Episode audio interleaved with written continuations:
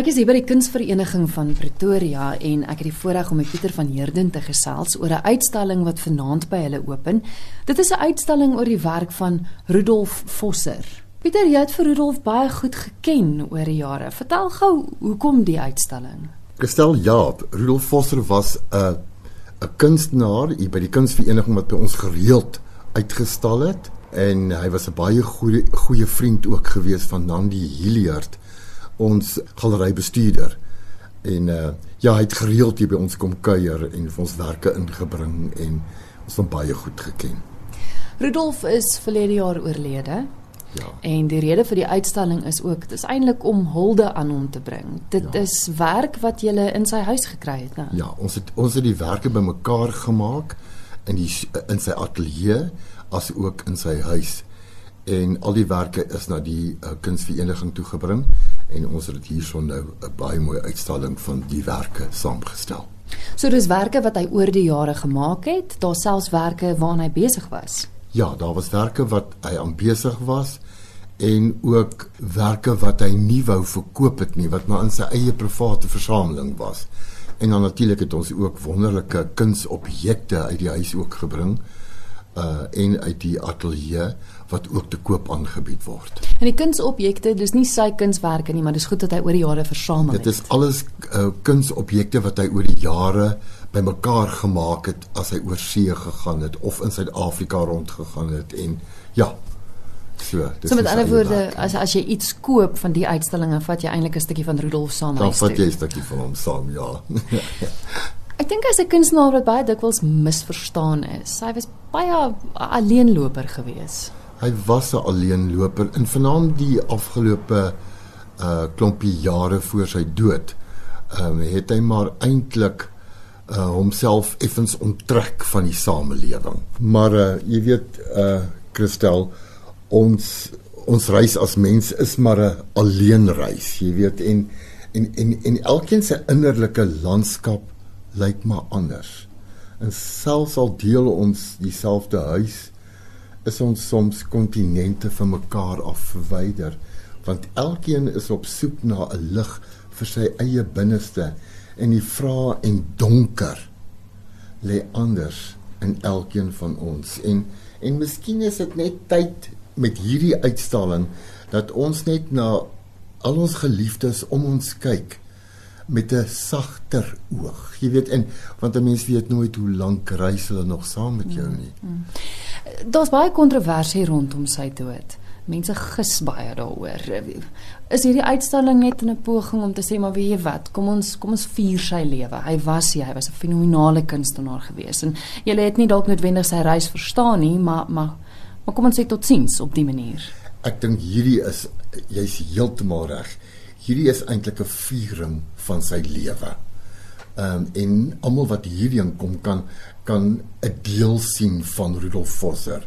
Want uh, ons moet daarom ook onthou dat sy tegnieke is is ongelooflik verleidend. Op die rand van opseën mooi. En dit het my nog altyd verstom dat 'n kunstenaar van 'n kappertjie blommetjie tot 'n lewensgrootte portret met eweveel deernis en behendigheid kan weergee. Ehm um, ja, Hier is 'n groot verskeidenheid van werk wat wat hier buite hang by die uitstalling.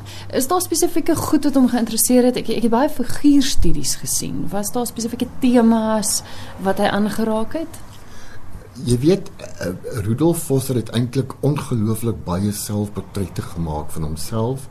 Hy was baie baie lief vir vir landskappe. Hy was ook baie lief om om mense op doek of op papier vas te lê. Stillewes, mm. jy weet, uh, ek dink hier's 'n baie groot verskeidenheid wat ons kan wys waartoe hy in staat was uh in sy lewe. Maar jy het ook op 'n stadium gesê hierdie is in 'n mate ook 'n geskiedkundige O uitstalling. ja, hierdie is eintlik vir my is hierdie 'n historiese gebeurtenis aangesien Rudolf se werk uh die die diepgaande verandering belig wat plaasgevind het gedurende die 20ste eeu. Jy weet in die vorige tydperke het die visuele kunste skoonheid verhef as die grootste inspirasie vir kunswerke. En 'n direkte bewys hiervan is die werke van die impressioniste en post-impressioniste. Die 20ste eeu het die tradisie gebreek En kunstenaars soos Steele, Katie Colwich en Picasso het nie slegs visuele mooi kunswerke geskilder nie, maar ook indrukke van van 'n turbulente, gebroke wêreld. En Rudolf se werke is in daai sin vir my van menslike lyding en pyn. So met ander woorde, hy het daai donker kant wat hy dikwels self beleef het ook, het hy ook uitgebeeld in sy Ja, werk. verseker, verseker. Ehm um, maar dan aan die ander kant ja, as ons kyk oor oor wat 'n professor Kobus Ferreira wat ehm um, sy ehm um, uh, Afrikaanse en Nederlandse kultuurgeskiedenis dosent was op Tikkies, né? Hy het geskryf en gesê dat ehm um, Rudolf Vosser is eintlik die die aanvanklike iets wat skaam en stil jong platlandse seun van Stella. Hy het ook gesê die die beeldende kunste student wat spoedig deur sy kunstdosente as uiters begaafd geïdentifiseer is. Die kultuurgeskiedenis student wat vroeg reeds 'n wye belangstelling in die lewe ook buite die kunste gehad het. Die versamelaar van mooi ou goed wat uit gebreekte antieke stukke iets nuuts kon saamstel en die reisiger wat in sy briewe vanuit Europa met verwondering oor sy ervarings in ons stamlande gerapporteer het. So dit wys ook vir jou dat daar daar was nie net 'n donker kant in sy uh, uh, uh, in Rudolf Vosser nie. Daar was ook ander kante. Mm. En ons moet onthou ons het maar almal 'n donker kant in ons. Jy het nou die voorreg gehad jy en Nandi om om die pad met hom te stap tot die einde toe. Hy het julle toegelaat in in sy binnekring. Wat is dit van Rudolf wat jy sal onthou? Ek sal nie eintlik sê dit ons altyd toegelaat het nie. Daar was tye wat hy eintlik niemand toegelaat het nie, né? Selfs nie eers julle nie. Selfs nie eens ons nie, hoor.